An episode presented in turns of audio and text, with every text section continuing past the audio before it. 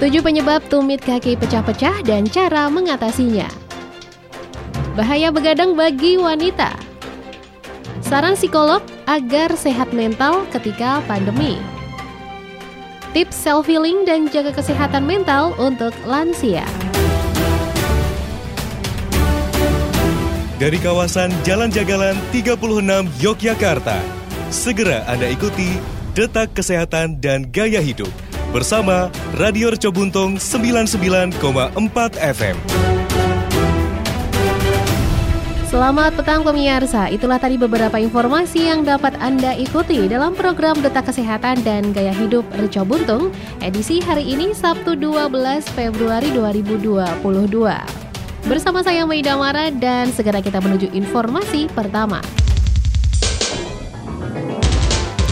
Detak Kesehatan dan Gaya Hidup Reco Buntung. Pemirsa dikutip dari CNN Indonesia. Pandemi COVID-19 sudah memasuki tahun ketiga. Sebagian orang mulai bisa menghadapi situasi agar tidak stres. Misalnya dengan mencoba hobi baru, membuat hashtag karya, hingga yang paling sederhana adalah duduk tenang sambil menghirup aroma minyak esensial dari diffuser. Semua kegiatan ini dilakukan sebagai upaya untuk pemulihan dari diri sendiri alias self-healing. Psikolog Sundari Indah mengatakan, sekitar 70 hingga 80% persen klien datang dengan masalah stres. Di situasi pandemi, kesehatan mental memang tidak bisa disepelekan. Seperti kesehatan fisik, tentunya Anda tidak ingin menunggu sampai terkapar kemudian baru menyadari bahwa Anda sedang sakit. Nah, dalam hal kesehatan mental, ada tanda bahaya yang tidak boleh disepelekan seperti susah tidur, sulit berkonsentrasi, tidak nafsu makan, atau justru makan yang berlebihan, malas beraktivitas sampai produktivitas menurun, juga penurunan kontribusi diri terhadap lingkungan atau komunitas. Nah, pemirsa, jadi apa yang bisa dilakukan agar kondisi kesehatan mental tetap terjaga dalam menghadapi situasi seperti sekarang? Self healing. Ini adalah proses ketika kita healing yang sifatnya personal. Caranya juga macam-macam pemirsa dan belum tentu semua orang melakukan hal yang sama. Seperti mungkin ada dari beberapa pemirsa yang membeli diffuser atau essential oil tetapi tidak membeli alat olahraga. Atau mungkin pemirsa cukup pergi ke sebuah alam yang luas dan melihat banyak pepohonan. Menurut Indah, sebelum memilih aktivitas untuk self-healing, poin paling penting yang harus dilakukan adalah menyudahi menyalahkan orang lain ataupun menyalahkan COVID-19, apalagi menyalahkan situasi. Self-healing ada berbagai macam bentuk, dan Anda bisa melakukan hobi atau aktivitas yang Anda sukai. Eksplorasi aktivitas lain yang lebih menantang atau belum pernah dilakukan. Kemudian aktivitas yang meningkatkan keterampilan. Self-healing pun bisa berbentuk pemilahan informasi, semisal membatasi asupan informasi COVID-19 yang berlebihan. Informasi selanjutnya pemirsa masih dari CNN Indonesia. Peningkatan kasus COVID-19 yang pasti kian mengkhawatirkan, bahkan kenaikan kasus pekan lalu terhitung tiga kali lipat lebih tinggi. Tercatat pemirsa selama periode 23 hingga 29 Januari tahun ini, jumlah kasus sepekan berjumlah 47.310 kasus. Jumlah ini naik pada periode 30 Januari hingga 5 Februari dengan total 149.660 kasus dalam seminggu. Semua orang diwajibkan waspada tak terkecuali kaum lansia. Koordinator PPKM Jawa Bali Luhut Binsar Panjaitan meminta orang berusia 60 tahun ke atas yang memiliki komorbid dan belum vaksinasi booster untuk tidak keluar rumah terlebih dahulu selama sebulan ke depan. Sedangkan psikolog Sundari Indah mengatakan kaum lansia memang memerlukan perhatian yang lebih. Seperti orang dewasa muda ataupun anak-anak, mereka juga rentan mengalami masalah kesehatan mental ketika terus berada di rumah. Akan tetapi pemirsa, masalah kesehatan mental kaum lansia sebelum musim pandemi pun sudah menyita perhatian. Mereka merasa banyak yang menghilang, seperti anggota keluarga yang sudah pada menyebar, jarang bertemu dengan anak cucu, belum lagi yang sudah mulai pensiun. Rasa berharga akan diri sendiri lewat power dari bekerja akan tergores. Nah, merasa tidak bisa berbuat apa pun, kemudian bosan karena tidak bisa melakukan kegiatan yang biasanya tentu membuat mereka rentan stres. Ida pun memberi dua tips self-healing yang bisa dilakukan lansia di masa pandemi. Yang pertama adalah arahkan pada hobi. Anggota keluarga yang lebih muda bisa mengajak lansia untuk melakukan hobi atau eksplorasi hal baru yang ingin dicoba. Ina mengatakan, Semakin usia tua, psikis seseorang akan seperti psikis anak-anak lagi. Kemudian yang kedua adalah support group. Lansia memang memerlukan dukungan dari keluarga inti. Namun yang tidak kalah penting adalah dukungan dari sesama lansia. Mereka juga perlu didukung untuk tetap bisa terkoneksi dengan teman-teman sebaya via teknologi.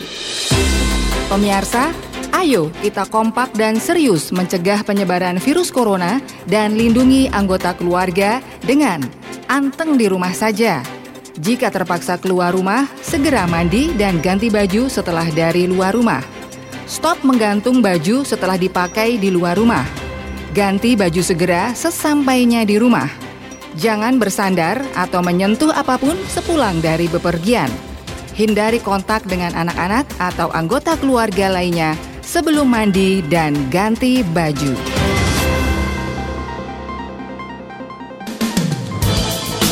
Pemirsa, data kesehatan dan gaya hidup Reco Buntung akan segera kembali setelah kita mengikuti azan maghrib untuk daerah istimewa Yogyakarta dan sekitarnya.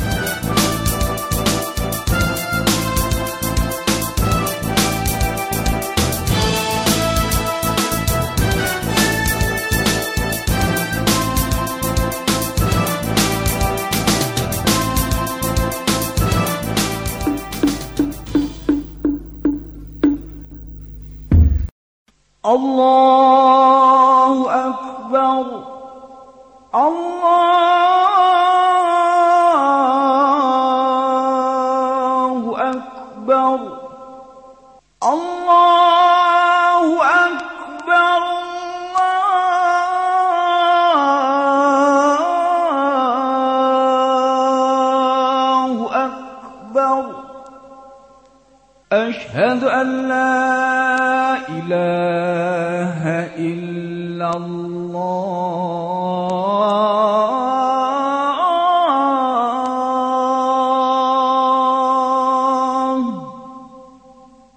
أشهد أن لا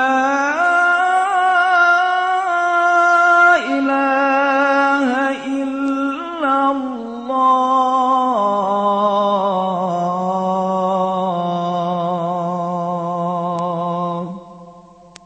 أشهد أن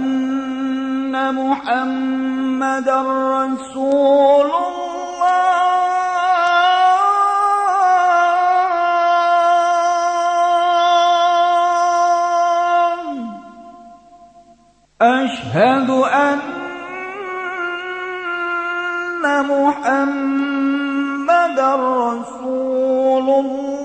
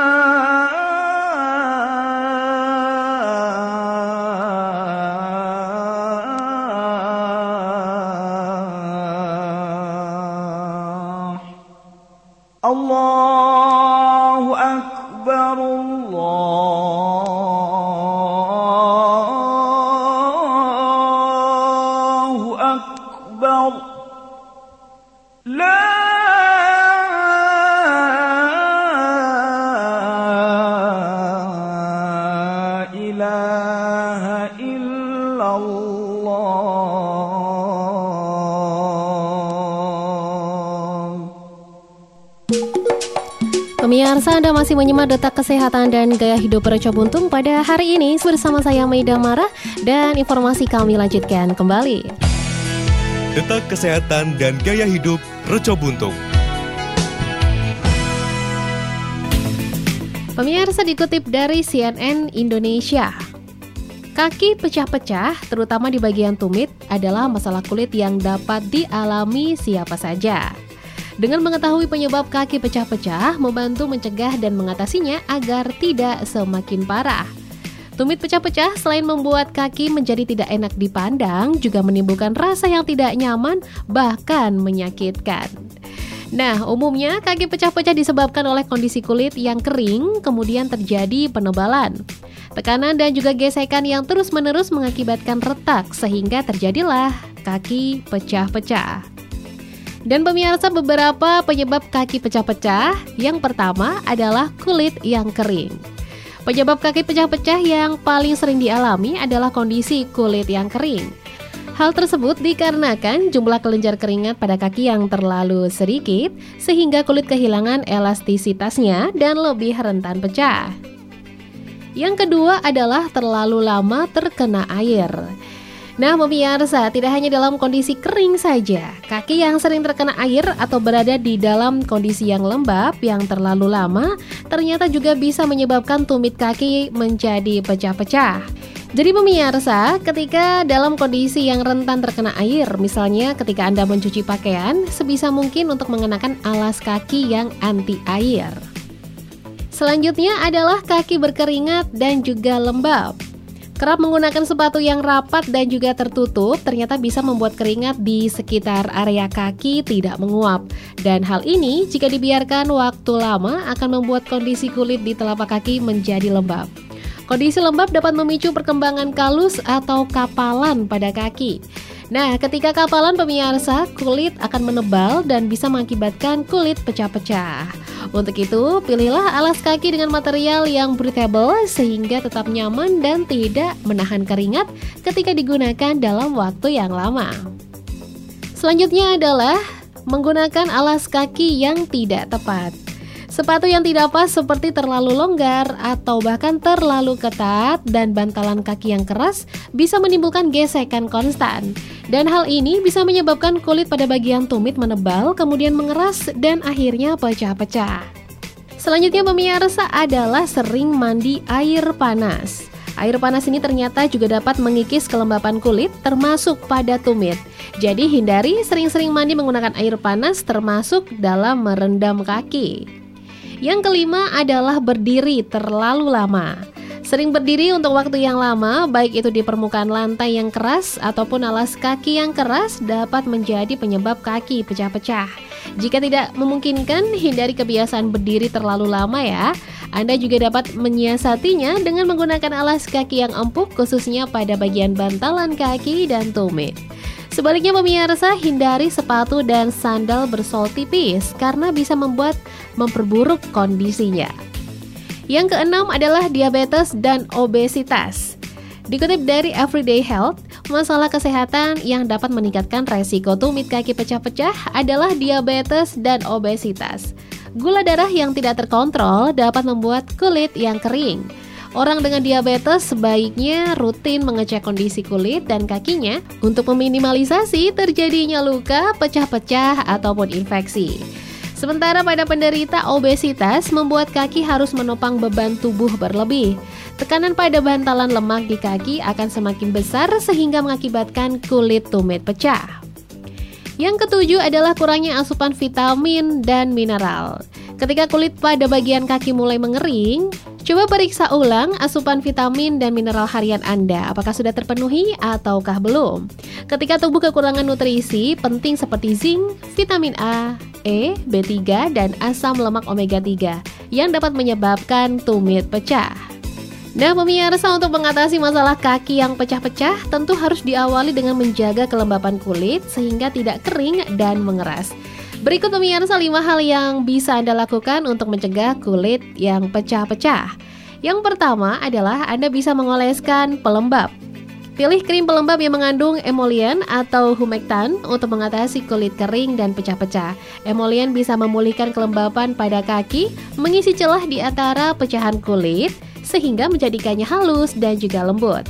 Sementara humectant dapat menembus lapisan kulit luar dan mengunci kelembapan kulit. Selanjutnya adalah minyak zaitun. Selain menggunakan krim pelembab, minyak alami dapat memberikan kelembapan yang sangat dibutuhkan oleh kulit kaki. Minyak mampu menyerap lebih cepat ke dalam kulit. Jenis minyak alami yang biasa digunakan antara lain adalah minyak zaitun, minyak argan, minyak jojoba, atau minyak alpukat. Vitamin E pada minyak alami tersebut bisa membantu melembabkan kulit kering dan mengatasi kaki yang pecah-pecah. Selanjutnya adalah menggunakan sabun yang tepat. Pemirsa Anda bisa memilih sabun dengan kandungan yang ringan dan membuat kulit yang lembut. Hindari menggunakan sabun dengan kandungan yang keras yang mengandung parfum, alkohol, atau asid yang justru menghilangkan minyak alami pada kulit dan membuat kaki semakin kering. Selanjutnya adalah dengan menggunakan scrub. Perawatan kaki bisa dimulai dengan menggunakan scrub rutin untuk mengangkat sel kulit mati dan kulit yang kasar juga kering. Anda bisa merendam kaki terlebih dahulu dengan air hangat selama 15 menit agar bagian kulit yang kering dan pecah-pecah bisa melunak.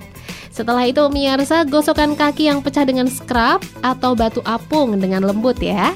Merendam kaki sekaligus mengosoknya dapat membantu menipiskan kapalan dan mencegah retak lebih dalam.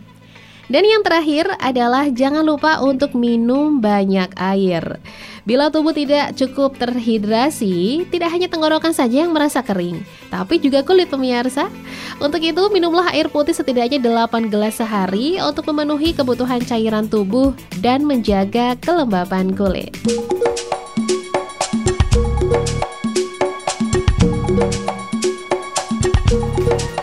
Informasi selanjutnya pemirsa masih dari CNN Indonesia. Apakah Anda sering begadang? Khususnya untuk Anda pemirsa putri. Iya, tidak hanya pria, terkadang wanita juga terpaksa harus begadang karena beberapa alasan. Padahal bahaya begadang bagi wanita disebut lebih besar ketimbang pria. Begadang membuat kualitas tidur menjadi berkurang drastis. Padahal aktivitas tidur di malam hari menjadi salah satu kunci untuk menjaga kesehatan tubuh secara menyeluruh. Wanita ditemukan lebih sering mengalami insomnia daripada pria. Jejak pendapat yang dilakukan oleh National Sleep Foundation menemukan 67% wanita yang mengaku kerap begadang karena insomnia. Perbedaan hormon dan ritme sirkadian antara pria dan wanita ditengarai menjadi salah satu penyebabnya. Hormon dapat secara langsung mempengaruhi kualitas tidur. Umumnya, wanita akan mengalami kesulitan untuk tidur saat periode menstruasi, kehamilan, serta masa premenopause atau juga menopause. Sayangnya pemirsa, resiko masalah kesehatan akibat kurang tidur pada perempuan juga ditemukan lebih besar daripada pria. Dan hal ini ditemukan dalam sejumlah penelitian. Seperti para peneliti di Duke University Medical Center yang menemukan resiko penyakit jantung, diabetes tipe 2, dan depresi yang lebih tinggi pada perempuan yang kurang tidur dibandingkan pria. Pemirsa pola tidur yang sehat akan berdampak positif tentunya pada kebugaran tubuh secara menyeluruh. Seorang peneliti bernama Suarez mengatakan, pola tidur yang tidak sehat pada wanita beresiko memperpendek angka harapan hidup. Dan berikut beberapa bahaya begadang bagi wanita. Yang pertama adalah hipertensi. Wanita yang kurang tidur memiliki kadar protein C reaktif yang lebih tinggi daripada pria. Kadar ini menjadi salah satu penanda tekanan darah tinggi atau hipertensi. Yang kedua adalah diabetes tipe 2. Kurang tidur dapat mengganggu toleransi glukosa dan menempatkan wanita pada resiko diabetes tipe 2.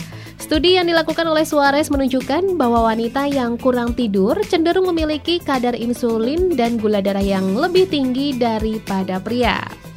Yang ketiga adalah depresi. Tidak hanya mengganggu pemikiran dan memori seseorang, Suarez mengatakan kurang tidur pada wanita juga rentan memicu perasaan marah dan sedih atau depresi pada wanita. Dan yang terakhir adalah kenaikan berat badan. Nah, pemirsa, kurang tidur telah dikaitkan dengan peningkatan nafsu makan. Artinya, bukan hal yang tidak mungkin jika wanita mengalami kenaikan berat badan akibat kurang tidur. Kondisi ini dalam penelitian Suarez ditemukan lebih banyak terjadi pada wanita daripada pria. Nah, pemirsa tidur memang sangat penting bagi kesehatan kita ya, khususnya untuk Anda wanita. Dan ada beberapa langkah yang bisa diambil untuk mendapatkan tidur yang nyenyak. Berikut beberapa caranya yang dikutip dari laman National Sleep Foundation. Pertama adalah mempertahankan jadwal tidur yang konsisten dari hari ke hari. Yang kedua, membatasi asupan alkohol dan kafein pada beberapa jam sebelum tidur. Ketiga, mengurangi aktivitas di layar gawai sebelum tidur. Yang keempat, melakukan teknik relaksasi sebagai rutinitas sebelum tidur. Dan yang terakhir, anda bisa menciptakan suasana kamar tidur yang nyaman dengan suhu udara yang pas serta mengurangi paparan cahaya serta kebisingan.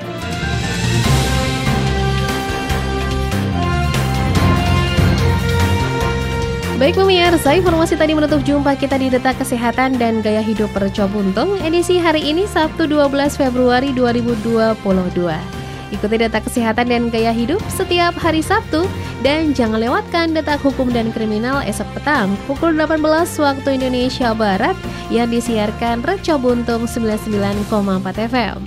Saya Mida Mara undur diri, terima kasih atas perhatian Anda. Selamat petang dan tetap jaga protokol kesehatan. Selamat berakhir pekan. Pemirsa, telah Anda ikuti Detak Kesehatan dan Gaya Hidup Produksi Reco Buntung 99,4 FM.